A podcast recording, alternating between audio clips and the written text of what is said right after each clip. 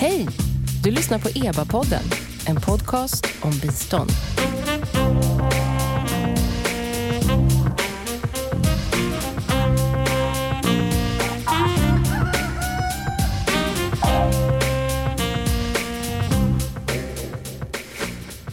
Välkomna till EBA-podden. Jag heter Nina Solomin och det är expertgruppen för biståndsanalys som ger ut den här podcasten. EBA förkortas det och det är en statlig kommitté som utvärderar och analyserar Sveriges internationella bistånd. Pandemikrisen slår hårt mot världens fattiga och vi har i tidigare avsnitt under hösten också diskuterat hur ekonomierna till exempel i afrikanska länder kan stöttas under pandemin, vad det finns för verktyg och medel inom biståndet. Idag ska vi prata om hur kontantstöd kan vara ett verktyg för att hjälpa fattiga människor att klara sig under en långdragen kris. Och eh, med mig i studion, bakom en eh, säker coronaskärm ska jag säga, eh, så finns Lisa Hjelm som är anställd på EBAs kansli och som är expert på kontantstöd. Du har nyligen bidragit till en sammanställning som flera biståndsaktörer har samarbetat kring och som har tagits fram just med anledning av, av pandemikrisen. Kan du berätta lite vad det här är för broschyr? Ja, men precis. Det här är då en sammanställning av olika resultat och lärdomar från tidigare utvärderingar som har gjorts av just kontantstöd. Eh, och den fokuserar på lärdomar främst från kriser och humanitära situationer. Jag säga att det finns rätt så mycket kunskap om den här typen av stöd, men inte jättemycket från just krissituationer. Ehm, så då har man tänkt att ja, men då gör vi en sammanställning av den information som finns eh, från just krissituationer. Och, eh, och då information i bemärkelsen vad? Utvärderingar, rapporter? Alltså vad, ja, vad? precis. Det är främst eh, utvärderingar som man har sammanställt eh, kunskap från och olika, och olika lärdomar från. Men varför vill man titta just på kontantstöd? Varför pratar vi ens om kontantstöd här idag? Eh, det som man har sett från tidigare forskning och utvärderingar är att kontantstöd har väldigt god effekt på exempelvis minskad fattigdom och eh, ökad skolgång bland barn. Eh, så man har sett att det är någonting som verkligen fungerar i många olika situationer. Och dessutom nu i och med covid-19 så är det otroligt många länder världen över som använder just den här typen av stöd för att eh, mildra effekterna från eh, pandemin. Och alltså, så kanske främst de ekonomiska effekterna från, från pandemin. Alltså låg och medelinkomstländer tänker du? Sådana som ja, precis. Kunna... Och även, även höginkomstländer också. Men det som eh, den här briefen fokuserar på är ju främst då eh, låg och medelinkomstländer och länder som har haft tidigare humanitära kriser och eh, andra typer av katastrofsituationer. Du ska berätta lite vad, vad, också om innehållet, men, men bara superkort, alltså vad är egentligen kontantstöd? Hur, vad, hur kan det se ut? Ja, men det är egentligen all typ av eh, bidrag i form av pengar som ges till individer eller hushåll. Ibland räknas också olika former av kuponger in, men främst så kan man säga att det handlar om eh, pengar eller ekonomiskt stöd som ges direkt till individer. Man skulle kunna jämföra det med det svenska barnbidraget till exempel.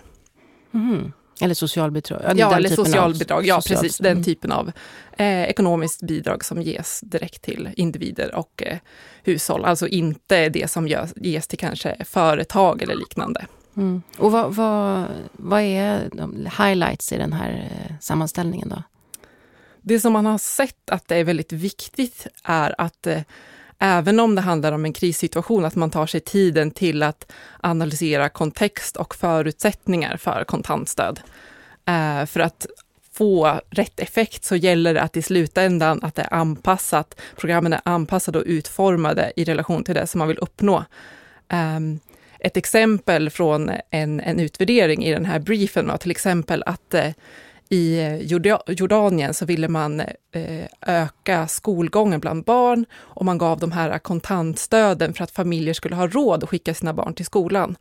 Men då visade det sig att skolorna blev överfulla, så det gäller att mm. har man ett specifikt mål så kan kontantstöd bidra men det gäller ju också att det finns de rätta förutsättningarna för att uppnå det som man vill. Och det kan också handla om eh, exempelvis eh, om eh, barn inte har bra nutrition och då kan man ge kontantstöd för att eh, förbättra nutritionen. Men då gäller det att det finns näringsrik mat att handla i affärerna. Mm, och inte chips. Exakt. Ah, så en ordentlig konsekvensanalys behöver man göra då innan man sätter in den här typen av liksom, stöd? Men precis, och det, det är en eh, slutsats då, att det, det gäller att göra en ordentlig analys och några av de eh, sakerna som man då behöver se till att de finns med i den här analysen är ju ja, men, dels att rätt förutsättningar finns på plats. Eh, en annan viktig del är att se vilka system finns i landet redan, eller i den här regionen kanske, där man vill införa ett eh, kontantstöd. Eh, och relatera till det, se på vilka andra aktörer finns. Hur kan man samverka mellan aktörer? Och inte minst vilka nationella prioriteringar finns. För många av de här kontantstödsprogrammen ska man ju veta att de eh, drivs och genomförs av de nationella myndigheterna. Eh, så att när internationella organisationer och eh, biståndsgivare eh, vill vara med och bidra till sådana här program så är det oerhört viktigt att de är i linje med de nationella prioriteringar som finns. Vi, vi ska plocka in, vi återkommer till, till innehållet mm. också i, i den här sammanställningen. Men eh, vi har en gäst till eh, med oss, inte här i rummet men eh, likväl med i samtalet. Ulrika Lång, välkommen in i samtalet. Tack. Du arbetar på Sida, vad gör du där? Jag arbetar som eh, metod och ämnesföreträdare för social trygghet som det heter. Det är jag är alltså rådgivare inriktad på social trygghet. Och du jobbar också då eh, med kontantstöd kopplat mer till det långsiktiga biståndet? Ja, precis. Eh, Sidas stöd till social trygghet med kontantstöd är framförallt inriktat på att stärka staters kapacitet att bygga upp system för social trygghet. Det handlar om att stärka ländernas egen förmåga att kunna trygga medborgares rätt till social trygghet. Till exempel så att människor som lever i extrem fattigdom kan få kontantstöd så att de kan tillgodose sina mest grundläggande behov. Har Sida gått in med extra, så att säga, eller byggt ut sitt kontantstödsbistånd nu under pandemikrisen? Ja, det har vi delvis gjort. Eh, vi har framförallt eh, jobbat i de länder där vi redan har kontantstöd. Eh, vissa länder har man omfördelat pengar, till exempel i Uganda så har vi omfördelat pengar för att snabbt kunna gå ut med ett extra stöd i form av kontantstöd till kvinnor med små barn i norra Uganda där vi har ett program för att bygga upp mm. system för social trygghet. Och finns, och det, finns det mer specif specificerat då vad det liksom är till? Är det för att de ska gå till skolan eller för att de ska få mat? Eller vad? Nej, vi brukar inte eh, specificera vad pengarna ska användas till. Ibland är kontantstöd knutet till villkor, till exempel villkor att barn ska gå i skolan eller villkor att barn under fem år ska gå på hälsokontrollen. Så är stödet i Tanzania delvis utformat. Men de här villkoren är egentligen inte så effektiva för att vi har märkt att föräldrar vill att barnen ska gå i skolan. Så om man får kontantstöd så ökar barns deltagande i skola oavsett om det finns villkor eller inte kopplat till kontantstödet. Lisa, har kontantstöd, du säger så här, ja nu är det många som, som bygger ut sina program för kontantstöd mm. eh, i många olika eh, länder. Men eh, har det visat sig, eh, apropå den här sammanställningen, har det visat sig att det faktiskt har goda effekter under kris? Är det därför man tar till det här nu eller är det bara liksom att man på något sätt måste få folk, hjälpa folk att överleva och så delar man ut cash? Precis, de, eh, de utvärderingarna som är med i den här sammanställningen har visat att det ger människor en ökad till, möjlighet att kunna täcka sina basala behov och främst då med fokus på mattillgång. Då.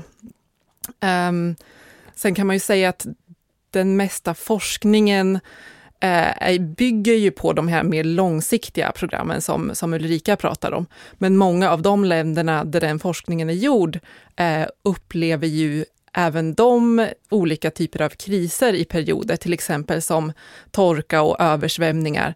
Så även om det inte finns lika mycket forskning direkt i krissituationer så kan man ju säga att den, det också finns med i den här mer långsiktiga forskningen. Så vi kan nog anta att även i krissituationer så eh, har det faktiskt en effekt. Men den här sammanställningen har ju fokuserat specifikt på utvärderingar som har sett mer på humanitära situationer och där har man ju också sett att det ger en god effekt. Men är det alltid så att, att människor, eh, som, att man får ett bidrag från staten då och att man alltid använder det på det absolut nyttigaste och bästa och präktigaste sättet? Är det ingen som köper någon pryl eller köper ohälsosam mat eller så? Kan man liksom räkna med att människor är så rationella? Lisa? Man kan nog säga att eh, människor är nog som människor är mest.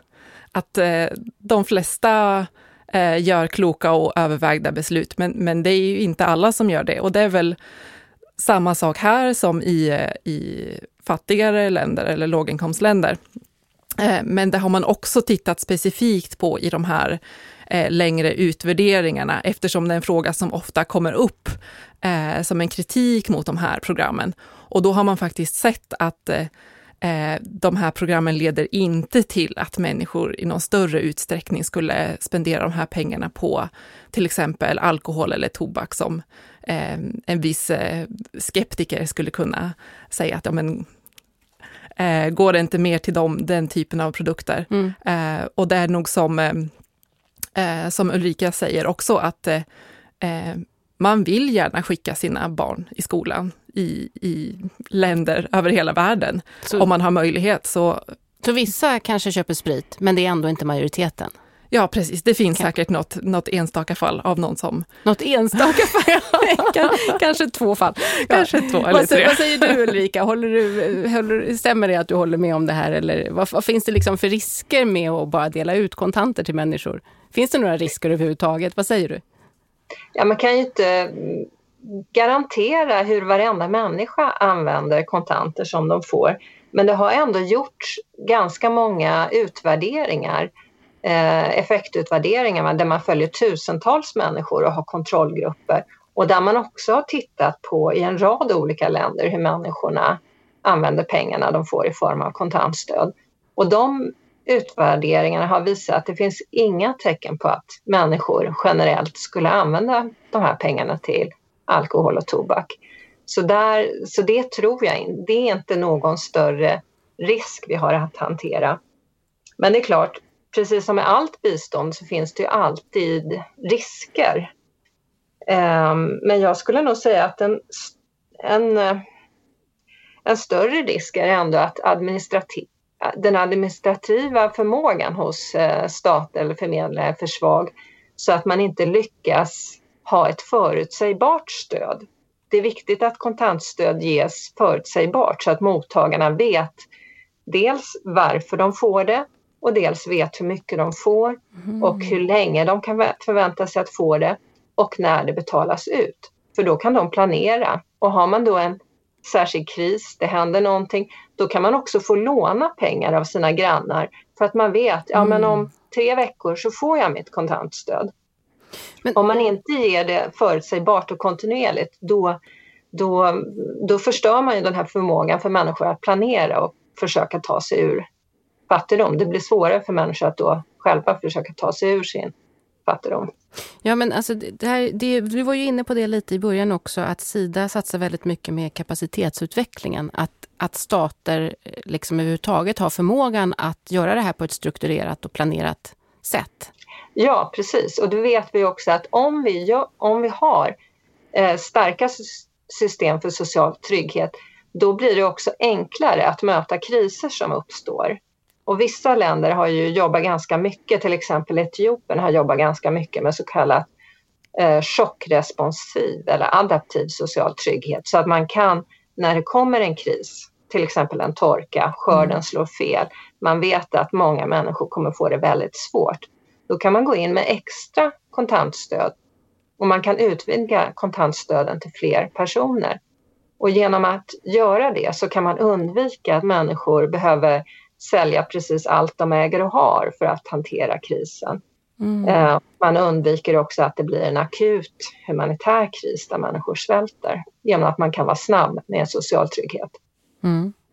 Eh, Lisa, du eh, jobbade för, ja, vem var det du jobbade för i Kenya när du bodde där? För Unicef. Jag jobbade på regionkontoret för östra och södra Afrika där. Och då ingår ju förstås Kenya också.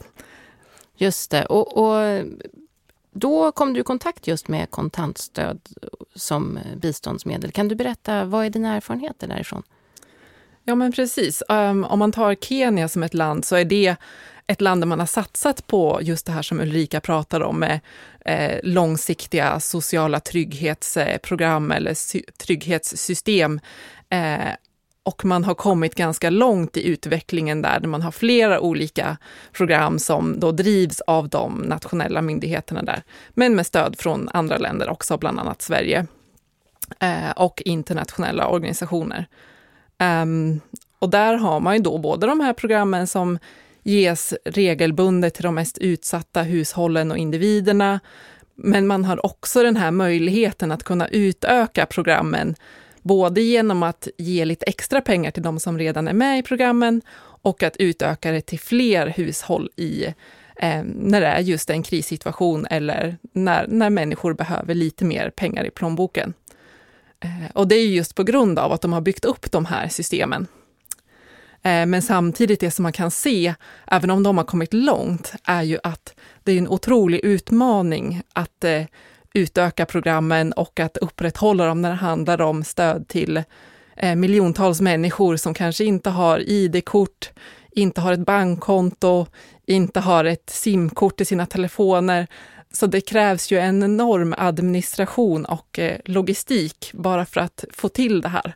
Så det, det, är mycket jobb som behövs, men i ett land som, som Kenya har man kommit eh, långt i att eh, bygga upp de här systemen. Men det är en, en bit kvar också. Men du sa att många länder använder sig av det här verktyget nu under pandemikrisen. Det betyder att inte alla kan använda det så väl för att de kanske inte har kapaciteten. Nej, precis. Och det som händer då i vissa fall är att eh, det byggs upp eh, ett, som ett nytt system bara för att svara mot krisen, så att det blir kanske ett parallellt system som, som går eh, som internationella aktörer så att säga? Ja, precis, och... vid sidan om de nationella existerande systemen. Och det är också eh, en av, eh, det, en av de sakerna som man sett i den här sammanställningen, hur viktigt det är just det här med koordinering och se till att man arbetar tillsammans eh, för att till största del undvika det här, men även om det byggs upp ett nytt system, att det är någonting som man kan fortsätta att bygga vidare på, på längre sikt också. Vad säger du om detta Ulrika? Um, ja, det stämmer ju att vi, det är väldigt viktigt att tänka långsiktigt för att vi vet ju att det här covid-19 är ju en kris nu men vi vet ju att det kommer fler kriser framöver. Det kommer kontinuerligt kriser så det är viktigt att vi tänker att vi ska bygga långsiktigt hållbara system som också kan hantera nästa kris, inte bara den här. Och därför är det också viktigt att vi inom det långsiktiga utvecklingssamarbetet har mycket dialog och kontakt med våra kollegor som jobbar med humanitärt bistånd.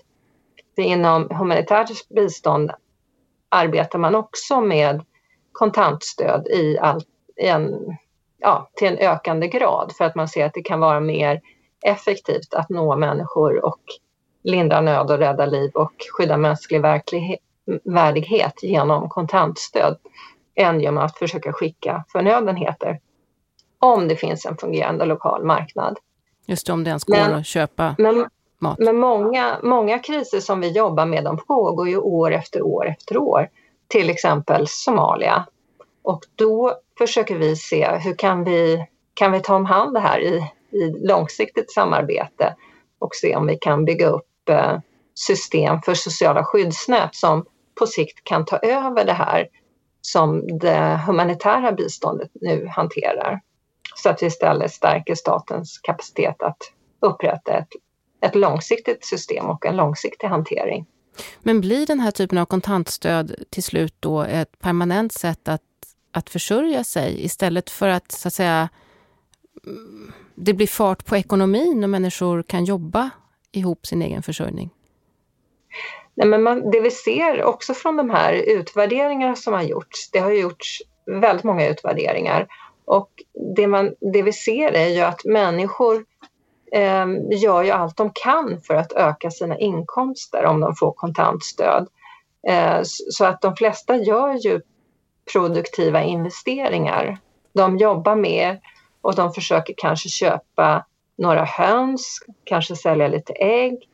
Eh, på lite längre sikt kanske de sparar ihop lite pengar så att de kan hyra en bit mark och odla på eller att de kan köpa en get och, och så vidare. Så, så folk försöker på alla möjliga sätt att kunna öka sina inkomster om de är i arbetsför ålder. Mm. Så det kan och leda flera, till... Mm. Flera av de program som vi stödjer ger också, eh, har också länkar till sysselsättningsskapande åtgärder.